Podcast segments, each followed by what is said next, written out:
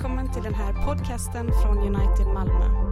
För mer information om oss besök www.unitedmalmo.nu och följ oss på Twitter.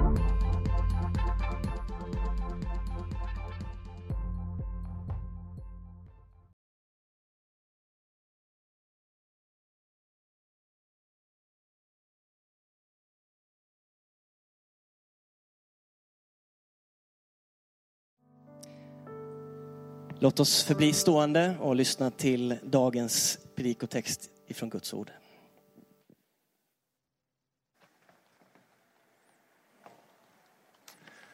Psalm 139. För sångmästaren, en psalm av David. Herre, du utransakar mig och känner mig. Om jag sitter eller står så vet du det. Du förstår mina tankar fjärran ifrån. Om jag går eller ligger utforskar du det. Med alla mina vägar är du förtrogen. Innan ett ord är på min tunga så vet du, Herre, allt om det. Du omsluter mig på alla sidor och håller mig i din hand. En sådan kunskap är mig alltför underbar. Den är så hög att jag ej kan förstå den. Vart ska jag gå för din ande? Vart ska jag fly för ditt ansikte? Om jag får upp till himmelen är du där. Bäddar jag åt mig i dödsriket så är du där. Tar jag morgonrådandets vingar och gör mig en boning ytterst i havet ska också där din hand leda mig och din högra hand fatta mig. Om jag säger må mörker falla över mig och ljuset bli natt omkring mig så är inte mörkret mörkt för dig. Natten ska lysa som dagen och mörkret vara som ljuset. Du har skapat mina njurar.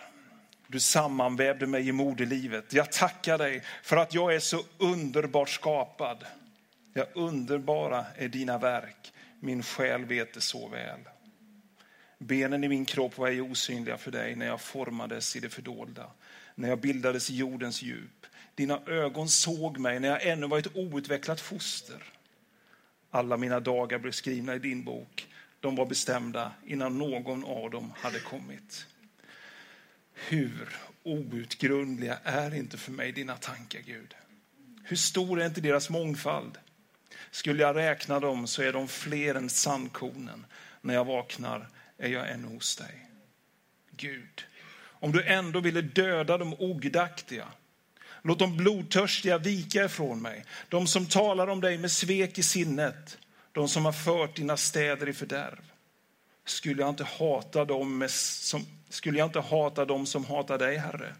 Skulle jag inte känna leda vid dem som står dig emot? Jag hatar dem med starkaste hat. Mina fiender har de blivit.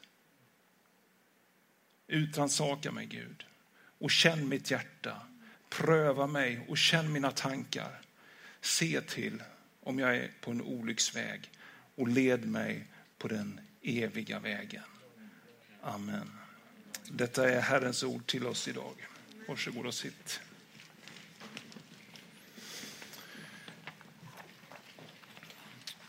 God söndag eftermiddag, kära vänner. Jag heter Anders Jonasson och ska predika här idag. Jag och min fru Katarina flyttade hit till Malmö 2011. Och, eh, eller under 2011 kan man väl säga. Och eh, i oktober 2011, när vi hade varit här på ett antal gudstjänster, vi hade kollat in vad det är för typer som går här. Så bestämde vi oss ändå för att nu är det här våran kyrka. Nu är vi inte här som besökare, utan nu är det här våran kyrka. Och det har varit, kan man säga, intressant. Det har varit utmanande. Det har varit väldigt glädjande och vi är jättetacksamma över att Herren, vilket vi tror, har lett oss hit. Så vi har mycket att vara glada för. Den här skjortan till exempel. Den har jag vunnit här. På fars dag för något eller ett par år sedan så var det sån där slipsknytartävling.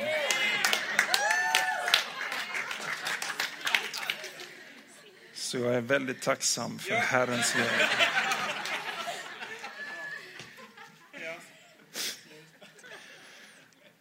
Men nu är det psalm 139 som gäller. Och nu när vi ska ta tag i den här så, så gör vi det i ljuset av Jesus Kristus. Eh, att han är våran frälsare. Han är den som öppnar vägen in i Guds rike och han är den som hjälper oss också att förstå skriften. Jag ska göra vad jag kan och du också då. Så vi ber Herren om hjälp. Tack för en ny dag när vi får komma till ditt hus inför ditt ord. Och jag ber om att undret sker idag också. Att när ordet förkunnas så ska det skapas tro. Och jag ber dig här om att ditt ord idag också ska bli mat för vår inre människa. Så hjälp mig att förkunna, hjälp den som vill lyssna att lyssna. Kom helig ande till vår hjälp. Amen. När David skriver den här salmen så är det precis som att han har fått betrakta sitt liv utifrån Guds perspektiv. Han har liksom flyttat upp ett par våningar och får se sitt liv liksom utlagt som en matta inför sig. Han ser sammanhang och eh, situationer som han har befunnit sig i. Han eh, lägger märke till människor, både onda och goda, som han har, som han har mött. Han betraktar sitt liv tillsammans med Gud. Och där blir det en blandning av hänförelse och, och glädje och alltså hängivenhet inför Gud, inför hans storhet, inför hans välde, inför hans kraft, över hans handrätt i hans liv. Men så var det det här också, frustrationen, vreden, hatet. När han ser på det också som reser sig upp mot Guds sanning och mot Guds skapelse ska jag försöka dela upp det här i fyra punkter. Och för dig som uppskattar en kort predikan kommer de här. Herren känner mig. Herren är med mig. Herren är min skapare och Herren leder mig. Det är dagens budskap. Herre, du utransakar mig och känner mig. Om jag sitter eller står så vet du det. Du förstår mina tankar fjärran ifrån. Om jag går eller ligger så utforskar du det och med alla mina vägar är du förtrogen. Innan ett ord är på min tunga så vet du allt om det, Herre. Till detta skulle man kunna säga wow. Eller whoops. Vi hamnar där någonstans. För frågan är hur vi ställer oss inför det faktumet att Gud är allvetande om oss. Är det skönt? Eller är det obehagligt? Jag skulle kunna säga till dig att Herren är med dig på olika sätt och får det ge, ge dig helt olika betydelse. Jag möter dig efter gudstjänsten och kommer fram och hälsar på dig. Du ser lite bekymrad ut och du börjar lätta ditt hjärta för mig och förstår att du har det svårt. Och så där. Och när du har berättat det här så lägger jag huvudet på sne och säger att men Herren ser dig. Han vet precis allt om dig. Han känner dig. Så gråter vi en skvätt, omfamnar varandra och så går vi styrkta därifrån. Sen kan jag ju träffa dig på torsdag eftermiddag också. Och då är jag lite irriterad. Jag är gransen på dig. Och nu är det inte du som utgjuter ditt hjärta för mig, utan nu är det jag som utgjuter mitt hjärta för dig. Och när jag har gjort det så använder jag exakt samma ord och säger till dig så här, en sak ska du ha väldigt klart för dig, att Gud ser dig. Han vet precis allt om dig. Han känner dig. Samma ord, helt olika betydelse. Skönt eller obehagligt? Hur vi känner inför detta, det har ju naturligtvis i grunden med vår gudsbild att göra. Vad vi har med oss för bild utav Gud, om han är ute efter oss för att sätta dit oss. Eller om han har gett sig ut för att söka efter oss och rädda oss. Herren känner dig. David som har gått några varv med Herren. Och nu liksom får se allt det här. Alltså jag tänker mig nu, jag hittar ju på lite grann, eller försöker leva mig in lite grann i David. Han liksom bara andas ut och säger Herre, du vet allt om mig. Det finns ett annat sånt exempel också i Nya Testamentet och det är Petrus. Precis innan Jesus korsfästs så har han förnekat Jesus tre gånger. Sen möts de efter uppståndelsen. Och Jesus möter Petrus och de andra lärjungarna. Sen tar han Petrus lite grann åt sidan. Och så ställer han frågan, Petrus, älskar du mig? Frågan är väl befogad så som han har betett sig. Han svarar, Herre, jag har dig kär. Och så får han ett uppdrag. Det går en stund och Jesus frågar honom en gång till. Petrus, älskar du mig? Ja, du vet här att jag har dig kär. Han får ett uppdrag, det går en liten stund och sen så frågar Jesus för tredje gången. Han har förnekat tre gånger. Han får en trefaldig upprättelse. Jesus frågar Petrus, älskar du mig? Petrus han blir helt förtvivlad. Herre, jag älskar dig. Du vet allt. Du vet allt. Och det visar oss med Petrus att det hjälper oss att vara ärliga. Först och främst inför Gud. Eftersom vi har försökt och insett så är det meningslöst att ha en fasad och spela teater inför Gud. Alltså han ser ju inte ens det, utan han är ju liksom på insidan redan. Och det är en stor befrielse att lägga av med det. Att våga lägga av det. Att spela teater inför Herren och bara säga, Herre, du vet ju allt. Jag skäms, jag är stolt, men du vet allt. Skulle man också våga och testa det här inför andra människor så kommer stegen bli lättare att gå. Jag har ingenting att dölja. Eller det kanske jag har än så länge. För min egen del så skulle jag nog säga att den här kunskapen om Guds allvetande om mig har varit en form av skräckblandad förtjusning. Som med åren och med tiden allt mer har gått över i en förtjusning och jag får landa i vers 5. Herre, du omsluter mig på alla sidor och håller mig i din hand. Nu är det inte bara så att Herren tittar och registrerar och noterar oss. Utan nu kommer vi till punkt två som säger att Herren är med mig. Vart ska jag gå för din ande? Vart ska jag fly för ditt ansikte om jag far upp till himmelen? Och är du där? Bäddar jag åt mig i dödsriket så är du där och tar jag morgonrådandets vingar och gör mig en boning ytterst i havet skall också där din hand leda mig och din högra hand fatta mig. Fattar du? Det här är sitt eget liv naturligtvis som han talar om. Och David kanske mer än någon annan har genom sitt liv fått känna av att bara ba, vara både i himmelen och nere i dödsriket. Oavsett om han har blivit utsatt eller om han har snickrat ihop det på alldeles egen hand. Han vet vad det är att bli smord av kung av någon annan. Få oljan över sitt huvud och känna för en stund att jag är i himmelen. Han vet också vad det innebär att på egen hand samla ihop några stenar och ta sin slangbälla och skicka en sten rätt i pannan på jätten Goliat. Gå fram till honom, ge honom dödsstöten och på egen hand hugga av honom huvudet och på egen hand få en hel armé att splittras upp. I'm in heaven. Han vet också vad det är att vara på flykt. Vara tvungen att gömma sig för hatiska människor som är ute efter honom. Han vet också vad det är att själv begå äktenskapsbrott och vara en mördare. Men när han ser och betraktar sitt liv så kan han ändå konstatera att Herren var där.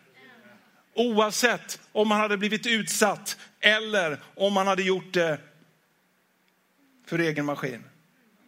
Hur kan man då säga att han, Herren är med i ett äktenskapsbrott och ett mörderi? Alltså det är ju inte så att Herren står vid sidan om och applåderar och en gång till. Nej, det där är ju helt tvärt emot Guds vilja. Men beviset på att Herren är med, det är där, därför att det finns äh, syndabekännelse efteråt. Det finns förlåtelse efteråt. Det finns upprättelse efteråt. Hade Herren lämnat honom hade det varit rökt för länge sedan.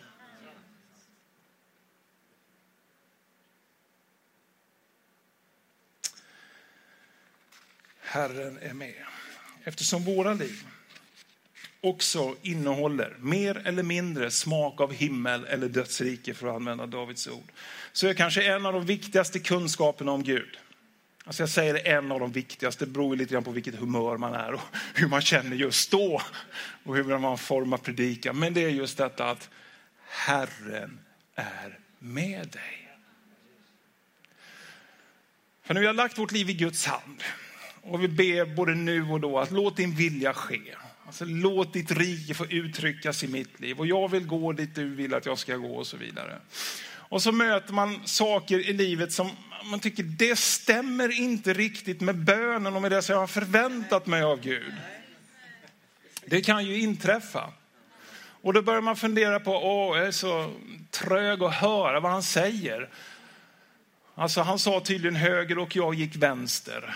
Eller han sa någonting annat och jag gjorde så. Och så börjar man tvivla på sin egen förmåga liksom att höra Gud och sin egen helighet och härlighet och alltihopa det där. Och sen så kommer ändå den där frågan, ja, Herren har väl lämnat mig nu också då? Alltså, så här är det att vara en kristen människa. Detta inträffar, så därför skulle jag vilja med emfas säga, Herren är med dig. När Mose har drivit Israels folk ur öknen, eller genom öknen i 40 år, och de ska in i det förlovade landet, så är det dags för ledarbyte. Och då är det Josua som ska leda folket vidare. Och när Herren talar till Josua så säger han så här att så som jag var med Mose, så ska jag vara med dig. Jag ska aldrig svika dig, jag ska aldrig överge dig. Och sen så finns det mängder av sådana eh, personer i Bibeln som får det just det budskapet att jag ska vara med dig. Då kan man tänka så här. Man kan ju vara lite pedagogisk i sitt eget huvud ibland. Som Josua då. Han tänkte när det blir svårt. Okej, okay, Herren var med Mose. Mose. Han är alltså med mig. Herren var med Gideon. Han kan vara med mig. Herren var med Jeremia, han var med Eli, han var med David. Han kan vara med mig. Kanske du har någon förebild som du har sett upp till och du kan bara konstatera, har han varit med honom eller henne så är han med mig. När Matteus evangelium avslutas och Jesus har gett sina befallningar till lärjungarna så är det sista meningen. Jag är med er alla dagar till tidens ände. Han är med mig. Alltså det är en viktig sak att veta, tänka på och leva i. Jag har en sån där berättelse, jag tar den därför att den har gjort så, så mycket intryck på mig. Eh, om ett gammalt par som jag och Katarina var och hälsade på en gång. Och det, här är en tragisk historia men också väldigt stärkande. Så eh, sitter vi där och, och fikar, kaffe och kakor och pratar om ditten och datten och så börjar de berätta om sitt liv. Och så berättar de att de fick två barn och de växte upp och sen med ganska kort mellanrum i varsin tragisk olycka så omkommer de här båda. Och när de berättar, alltså det är så tragiskt att höra. Och man tänker, hur blir man människa efter detta? Och de fortsätter att berätta lite till och vet du vad deras slutkläm är? Men Gud, han har varit så god emot oss. Men hur kan man säga det? Alltså det är ett mirakel. Det är ett mirakel som kan ske i Guds rike. När ditt liv ligger i Guds händer så är han med dig. Oavsett. Oavsett vad som händer. Detta kan ju ha sin grund i punkt nummer tre också som talar om att Herren är min skapare. Herre min skapare. Vers 13. Du har skapat mina njurar. Är inte det lite roligt?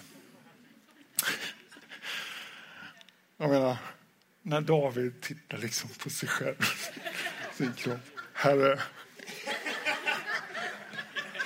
du har skapat mina njurar. Alltså jag skulle egentligen inte vilja veta något mer om det. Men man måste ändå söka reda på lite grann sådär.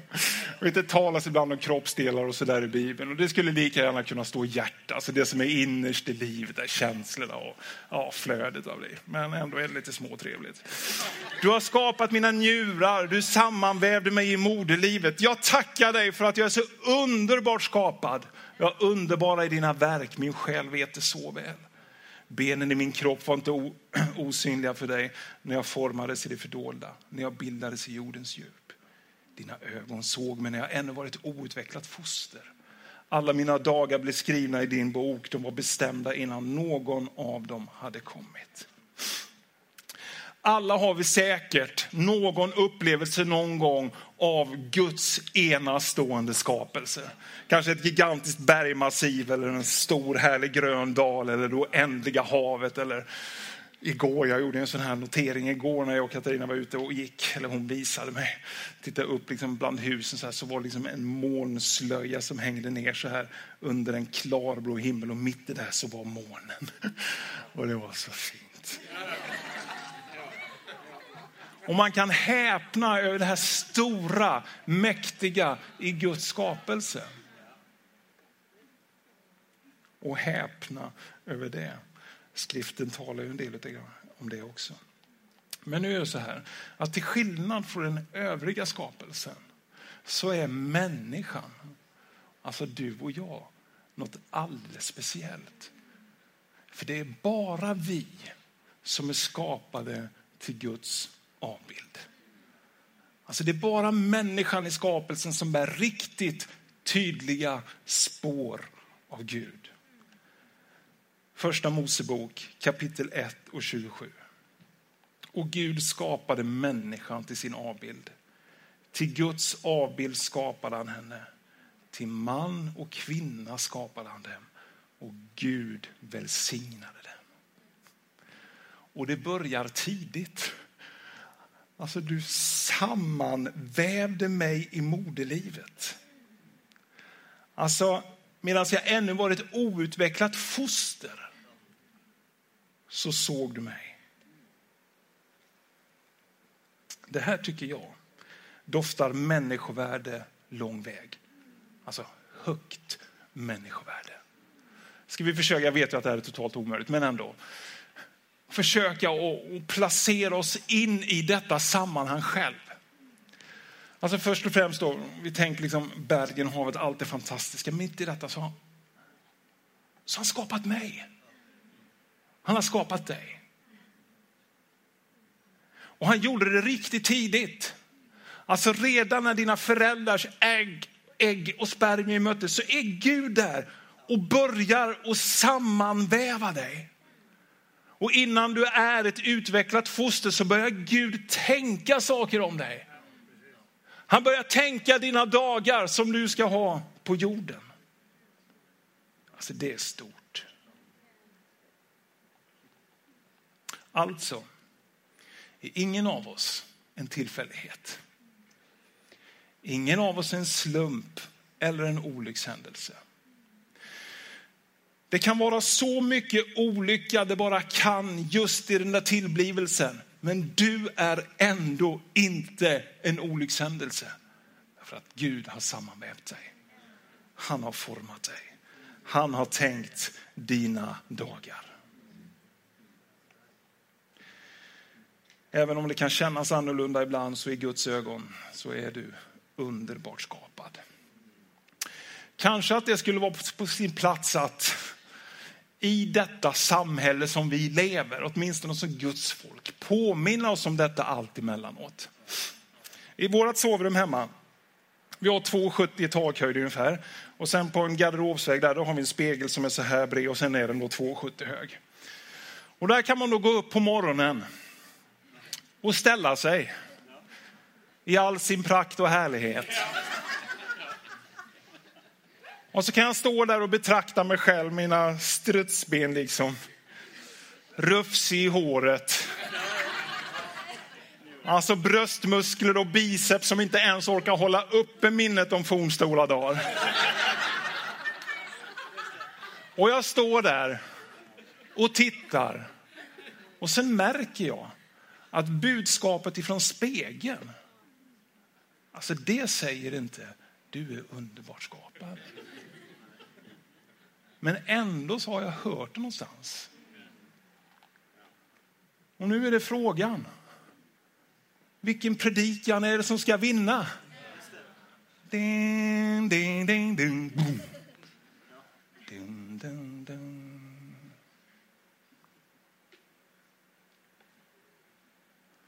Den där spegeln och den här världen kan säga till mig precis vad den vill. Men jag vet när jag står där i spegeln att jag är övermåttan underbart skapad. Och vet ni vad vi har gjort för säkerhets skull? Fyra steg därifrån i hallen så har vi en sån här spegel. Yeah, det stämmer. Underbart skapad. Jag tror att kanske i all ödmjukhet så skulle vi behöva ha den tonen lite mera. Där förstår ni också att det handlar inte bara om yta och sånt utan det handlar om en insikt att jag är underbar. Jag är underbart skapad. Det gör någonting med oss det här. När vi tänker på det sättet. Alltså vi behandlar oss själva inte hur som helst. Vi talar inte till oss, till oss själva hur som helst. Vi utsätter oss inte själva för vad som helst. Och likadant till våra medmänniskor, systrar och bröder och de som är på väg att bli det. Vi behandlar inte varandra hur som helst. Vi talar inte till varandra hur som helst därför att vi vet att vi är påtänkta sedan länge. Vi är skapade av Gud. Vi är underbart skapade. Jag avslutar de här tre första punkterna nu innan jag tar den fjärde. Med att säga så här, var, varför ska vi nu, precis som David, bara ta emot detta? Herren känner oss. Herren är med oss. Herren vår skapare. Vi ska ta till det därför att Gud, han kan det. Gud han vill det. Därför att Gud älskar. Och Gud tänker tankar om dig. Du är en del i hans plan. Nu ska vi gå in i punkt fyra och den kallar jag för att Herren leder mig och jag kommer till det alldeles strax. Men här nu så händer det någonting i den här salmen. Alltså det blir ett helt annat tonläge. Budskapet blir helt annat. Och eh, vissa bibelställen vill man ju bara läsa med ett öga och det här är nästan ett sånt. Gud, om du ville döda de ogudaktiga. Låt de blodtörstiga vika ifrån mig, de som talar om dig med svek i sinnet, de som har fört dina städer i fördärv. Skulle jag inte hata dem som hatar dig, Herre? Skulle jag inte känna leda vid dem som står dig emot? Jag hatar dem med starkaste hat. Mina fiender har de blivit. Nu står ju det här i skriften också, så låt oss ta till oss det med. Från hänförelse till hat på bara en liten stund. Kontrast. Men han har skådat Herrens härlighet, Herrens storhet, Herrens omsorg, Herrens att han bryr sig, att han leder. Och sen så får han se också det motsatta, de ogudaktiga, de blodtörstiga, de svekfulla, de som fördärvar, de som reser sig upp mot Guds sanning och hans skapelse. Och vet du vad jag tycker? Jag tycker att hans reaktion, den är naturlig och den är förståelig. Är det inte så vi själva känner tendenser i våra liv ibland? Nu till exempel när vi hör om rapporteringar ifrån eh, våra systrar och bröder som förföljs, som dödas. Eller när rabbinen i Malmö går på en gata här i Malmö och blir utsatt. Eller när smågrabbar tar livet av sig här, tar, tar, tar livet av varandra här. Eller när man möter den här äh, politiska korrektheten i det här landet som så grinar Gud i ansiktet. Och jag skulle nog säga så här. Hade jag inte varit så ljum och så tandlös så hade jag nog också känt att jag skulle vrida en och annan nacke ibland. Därför att det går så emot Guds sanning och Guds skapelse. Jag skulle säga det är en sund reaktion. Att reagera mot det som vänder sig bort ifrån Gud. Eller som Paulus säger, det som trotsigt reser sig upp mot kunskapen om Gud. Alltså det är oroväckande när jag inte reagerar överhuvudtaget. Men reagera på det, det är sunt. Frågan är bara vad vi gör med det som brusar upp i vårt inre. Och nu ska jag gå mot slutet här. Så nu kan lovsångarna komma fram. Därför att jag uppfattar inte när jag läser skriften att vi ska gå omkring och vara arga, vreda, hatiska och mordlystna genom livet. Alltså det är en liten annan ton av kärlek, värme och så vidare. Jag tror att David känner detsamma när han drabbas av detta. Och vad gör han då för någonting? Alltså opinionsbildning, all ära, jag vet att det är viktigt och det är bra, men nu använder jag det här. Ja, men skriv en insändare. Lägg ut ett Facebook-inlägg och gör lite av varje. Men det finns en väg för Guds folk mitt i detta elände, mitt i denna värld. Det är att göra som David, vända sig till Gud och be. Och han ber utransaka mig Gud. Och känn mitt hjärta. Pröva mig och mina tankar. Se till om jag är på en olycksväg och led mig på den eviga vägen. Alltså det är solklart. Om David hade gått iväg ifrån denna upplevelsen med alla sina känslor av hat och vrede, han hade varit på en olycksväg. Men han kommer till sin besinning. Han vänder sig till Herren. Han ber till honom. I den här bönen så får vi också landa. Och bör landa. För att inte spåra ur och vandra vilse i den här vägen. Och ska jag avsluta med det sista i hans bön här. Se till om jag är på en olycksväg och led mig på den eviga vägen. Nu är det så här att oavsett om du går på Guds väg eller om du går på en egen väg bort ifrån Gud så är den evig. Bibeln är tydlig och klar med det. Men nu är det så här att det finns möjlighet, precis som för David, att omvända sig ifrån olycksvägen och börja vandra på Guds eviga Det kristna budskapet är enkelt på det sättet. Det finns en väg som leder till livet genom Jesus Kristus. Och det finns en väg som leder bort ifrån Gud. Och det är att inte ta emot Guds nåd genom Jesus Kristus. Båda vägarna är eviga. Båda vägarna står öppna. Jag vet inte om jag skulle vända tillbaka till den gudsbilden som vi kanske kan ha.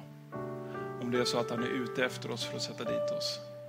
Men tänk om du fick tro till att Gud, han har kommit hit för att söka efter dig. För att rädda dig och för att leda dig på en rätt väg, hans eviga väg. Jag avslutar med ett bibelord från andra Korintierbrevet 5 och 20. Det säger så här. Jag är alltså Kristi sändebud och Gud manar er genom mig. Jag ber er på Kristi vägnar, låt försona er med Gud. Han som inte visste vad synd var, honom gjorde Gud till ett med synden för vår skull. För att vi genom honom skulle bli till ett med Guds rättfärdighet. Amen.